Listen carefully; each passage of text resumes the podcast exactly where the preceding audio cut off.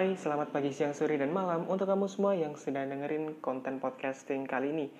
Kenalin, gue Usaid Abdullah Zikri. Di episode keempat kali ini gue bakal sendirian aja, nggak seperti di episode-episode sebelumnya. Tapi tenang aja, gue bakal membahas beberapa hal menarik tentunya dan juga menemani, menemani kalian di beberapa menit ke depan, hanya di podcasting. Obrolan opini terkini. Sadar nggak sih teman-teman, kita itu udah ada di bulan ke-9 dari tahun 2020. Awal bulan ke-9 berarti bulan September ya. Gak kerasa banget tuh, udah hampir 9 bulan kita melewati tahun yang ya bisa dibilang penuh perjuangan ini ya. Nah, uh, kalau sekarang tanggal bulan 9 berarti sebelumnya adalah bulan Agustus ya. Kita baru aja meninggalkan bulan Agustus, tentu kita akan sangat ingat dengan memori-memori heroisme di bulan Agustus ya, karena bulan Agustus adalah salah satu bulan yang bersejarah bagi Eh, sejarah bangsa kita. Ada banyak sekali momen-momen bersejarah di sana dan salah satu yang paling kita ingat adalah momen proklamasi kemerdekaan Indonesia tanggal 17 Agustus 1945. Ngomongin soal kemerdekaan, pasti nuansa-nuansa kemerdekaan itu kan kerasa banget ya di kampung-kampung ataupun di perumahan-perumahan itu merah putih bertebaran di mana-mana, kemudian banyak orang merayakan dengan perlombaan dan lain sebagainya. Meskipun mungkin di tahun ini akan sedikit meskipun di tahun ini ya sedikit berbeda lah ya karena adanya pandemi tentunya. Tetap melakukan protokol kesehatan tetapi itu udah, udah dibuktikan kok uh, sama uh, masyarakat Indonesia uh, di bulan Agustus lalu meskipun mereka mengadakan tasyakuran dan lain sebagainya mereka tetap uh, melakukannya dengan menggunakan protokol kesehatan nah ngomongin soal kemerdekaan nih ada sebenarnya ada banyak versi terkait dengan uh, definisi atau makna dari kemerdekaan. Nah, untuk milenial itu kemerdekaan ada banyak versi. Kalau gue boleh uh, menyimpulkan, setidaknya ada tiga versi kemerdekaan buat milenial. Yang pertama adalah ketika kita sebagai milenial itu merdeka ketika kita merdeka untuk bebas berkarya. Itu yang pertama. Ya. Yang kedua adalah kita merdeka ketika kita bisa mandiri. Nah, itu adalah bagian daripada kemerdekaan. Lalu kemudian merdeka adalah ketika kita bebas untuk melakukan inovasi di dalam banyak hal ya. Nah, itu adalah tiga hal pokok ya yang menurut gue itu adalah makna kemerdekaan bagi milenial yang diperlukan saat ini. Jadi ketika lu udah bebas berkarya, ketika lu udah bisa mandiri, ketika lu udah bisa berinovasi dalam uh, kehidupan lu di masa muda, lu udah bebas menurut gue seperti itu. Nah kali ini kita akan membahas satu persatu makna kemerdekaan tersebut ya. Kita mulai dari mungkin yang namanya kemandirian ya.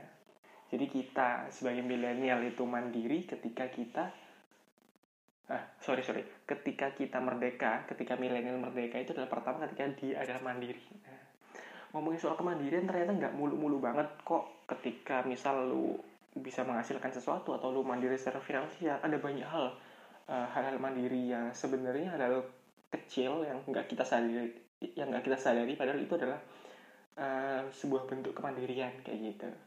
Nah gue ada cerita lucu nih. Uh, ketika itu waktu gue kelas 4 SD ini adalah salah satu momen ketika gue merasa wah gue ini adalah orang yang mandiri tentu uh, ternyata di fase tersebut ya kelas 4 SD gue inget banget ketika itu gue di pagi hari masuk kelas di SD seperti biasa pada saat itu uh, zaman zamannya mainan Tamiya ya mobil-mobilan Tamiya itu keren banget waktu itu lagi zaman zamannya dan di kelas gue itu waktu itu di pagi hari itu ada teman-teman main Tamiya kayak biasanya dan salah satu teman gue namanya Dio nah dia itu adalah uh, dia punya Tamiya keren banget paling mahal paling cepat di kelas kayak gitu. Terus tiba-tiba uh, ketika gue masuk ke kelas tamianya dia itu uh, mengarah uh, ke arah gue berdiri ya gitu. Langsung gue ambil kemudian karena gue pengen tahu seberapa cepet ini Tamiya gue kembalikan lagi nih ke lantai. Kemudian secara otomatis karena bannya masih nyala ya masih muter mesinnya gue taruh di lantai kemudian tiba-tiba dia Tamiya itu melesat kencang banget.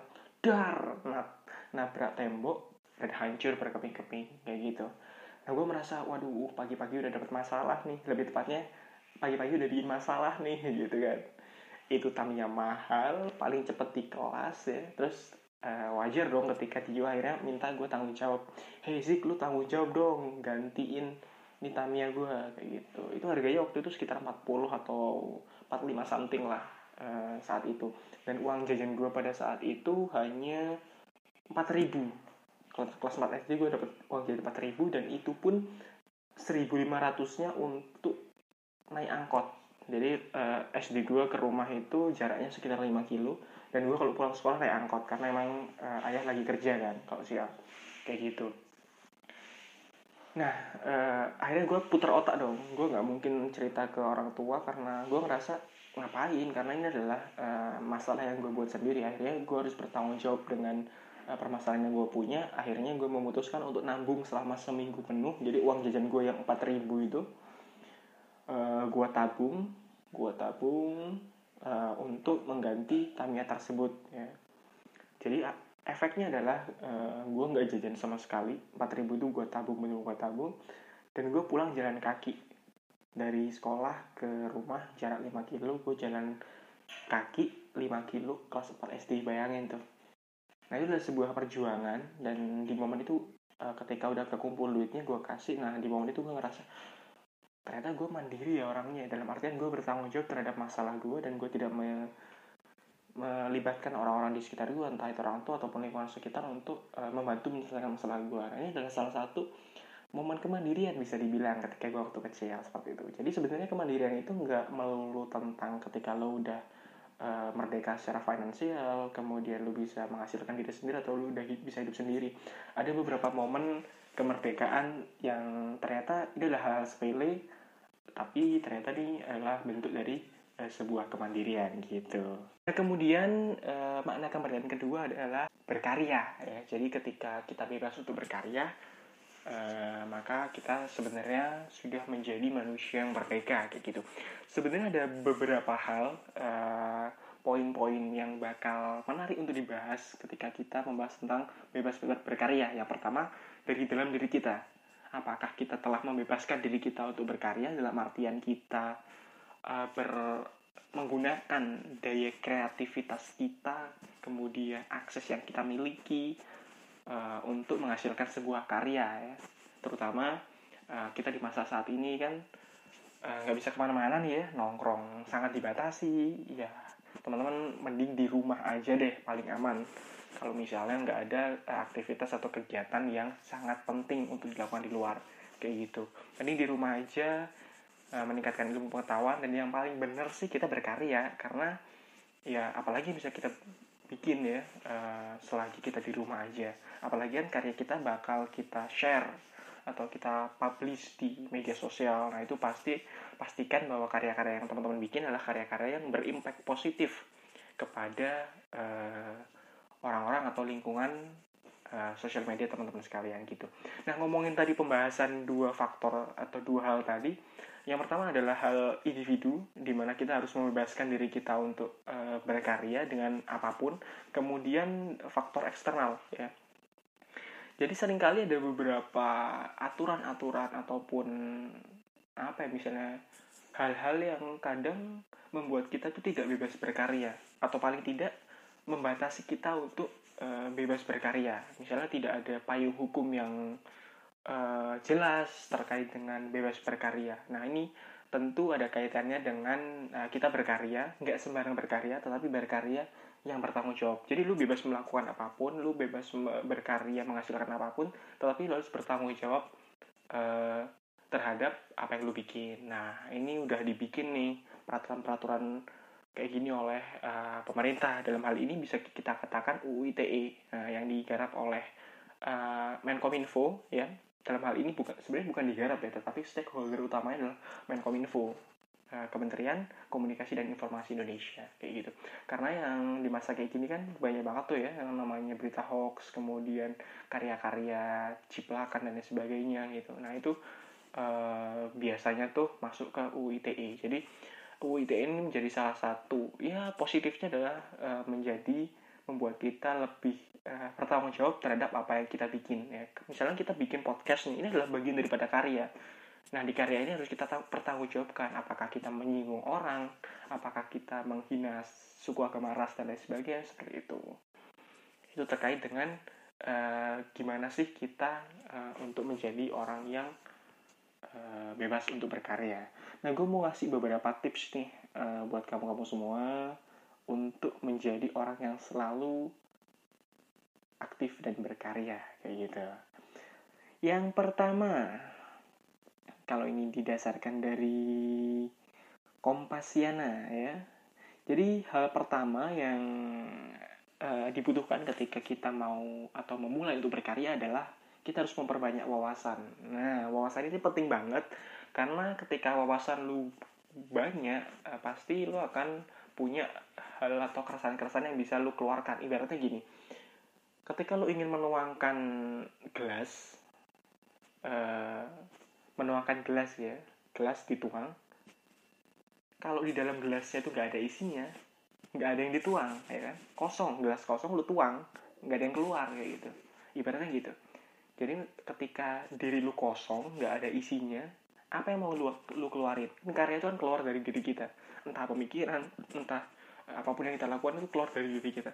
Ketika dalam diri lu nggak ada nggak ada isinya nggak ada apa-apanya ya apa yang dikeluarin apa yang dikaryakan gitu. Maka perbanyak isi gelas kosong itu dengan air dengan sirup dengan teh dengan kopi sehingga yang keluar adalah apa yang lu e, dapetin tadi apa yang lu masukkan tadi kayak gitu. Semakin banyak yang lu isi akan semakin baik karena lu akan dapat banyak perspektif sehingga akan e, memperbanyak e, referensi karya-karya yang e, bakal lu bikin Kemudian poin kedua adalah nah menggunakan internet dan media sosial secara bijak. Nah, ini penting banget nih karena ketika kita berkarya gini nih. Cara paling mudah untuk uh, mempublish karya kita dan mendapatkan apresiasi dari orang banyak dan mengenalkan karya kita ke orang lain adalah dengan menggunakan sosial media atau internet. Nah, itu adalah cara paling mudah, efisien, murah dan uh, mudah dan banyak digunakan oleh semua orang kayak gitu. Nah, ketika kita uh, dapat menggunakan media sosial ini dengan bijak, salah satunya dengan menghasilkan karya-karya yang baik, karya-karya yang positif, maka tentu nantinya kita akan uh, merubah secara pelan-pelan ekosistem uh, perkontenan ataupun permedia sosialan uh, kita kayak gitu kan akan semakin banyak konten-konten positif akan semakin banyak karya-karya positif yang dihargai maka kemudian uh, media sosial kita akan semakin membaik ekosistemnya nggak melulu hoax nggak melulu uh, ujaran kebencian dan lain sebagainya kayak gitu. Kemudian yang ketiga adalah bersikap terbuka terhadap berbagai hal baru. Nah ini ini penting banget nih, apalagi kita sebagai pemuda kali ya. Jangan sampai kita berpikiran kolot ya ampun itu jauh-jauh deh dari kita ya kan. Karena di masa kayak gini ada banyak sekali ide gagasan baru yang misalnya kalau kita menolak mentah-mentah atau kita menutup diri terhadap hal-hal tersebut kita bisa jadi ketinggalan jauh nih teman-teman sekalian. Nah, Eh, cara termudah adalah kita membuka semua hal-hal baru yang ada di sekitar kita, kita membuka pengalaman-pengalaman baru kita, tapi tentunya harus ada filter dari diri kita sendiri kayak gitu.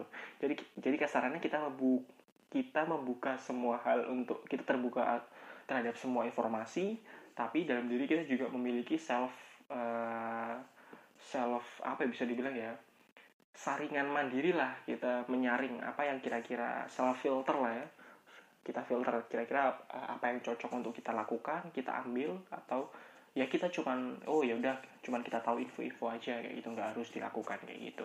Ini penting banget nih. Gue setuju nih sama poin ini ketiga kali ini kemudian yang keempat adalah membangun ide dan visi ke depan. Ini penting banget karena kalau misalnya kita berkarya kemudian kita nggak punya visi ke depannya kayak gimana tentu uh, karya yang kita hasilkan nggak akan apa ya bisa dibilang ya nggak akan mulus atau nggak akan uh, berkarakter lah.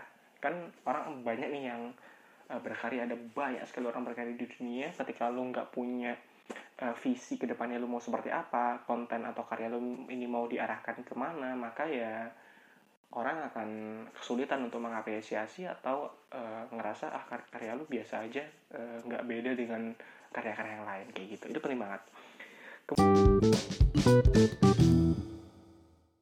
Nah, untuk poin yang ketiga atau yang terakhir yaitu inovasi. Ya, jadi kemerdekaan adalah ketika uh, bebas untuk berinovasi ya gitu. Kadang-kala kita untuk berinovasi itu butuh dipaksa ya, dipaksa oleh keadaan ya. Kadang kita mikirnya seperti itu. Tentu ini adalah hal yang nggak ideal.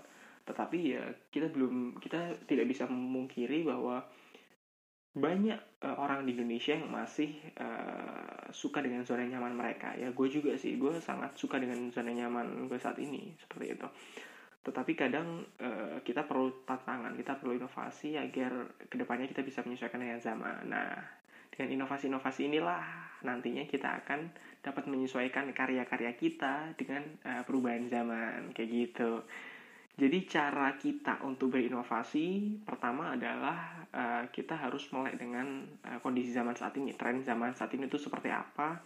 Kemudian kita melihat permasalahan uh, masyarakat saat ini itu apa kayak gitu. Kemudian kita lihat celahnya, kemudian kita analisis nih apa yang kita punya ya. Misalnya nih di masyarakat saat ini di masa pandemi kayak gini masyarakat sangat kesulitan untuk makan misalnya bukan karena mereka nggak punya biaya tapi karena mereka ketika mereka makan mereka harus masak pertama nah untuk masak itu membutuhkan yang namanya bahan baku nah bahan baku itu kita harus pergi ke supermarket atau kita harus pergi ke uh, pasar dan itu adalah eh, zona-zona uh, merah biasanya karena di sana banyak banyak in, banget interaksi orang dan tentunya untuk menekan uh, angka COVID-19 ini ya kita paling aman sih di rumah aja kayak gitu.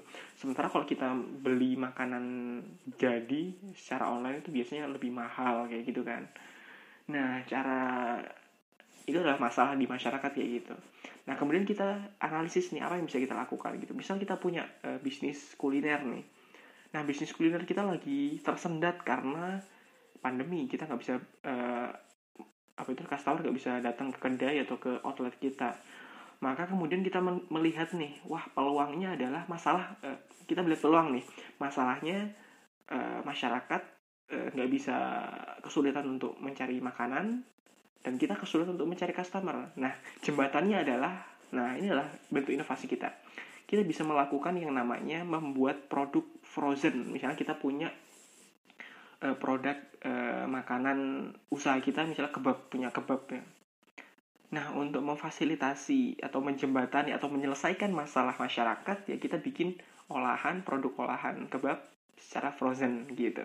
Harganya lebih murah daripada harga yang sudah matang tentunya, punya eh, ketahanan produk yang lumayan lama, dan juga eh, praktis, karena nanti customer tinggal apa itu namanya eh, menaruh di microwave atau tinggal menggoreng saja dan udah uh, tersaji dengan rasa dan kualitas yang enak tentunya sesuai dengan uh, yang ada di resto-resto atau yang ada di outlet-outlet kita gitu.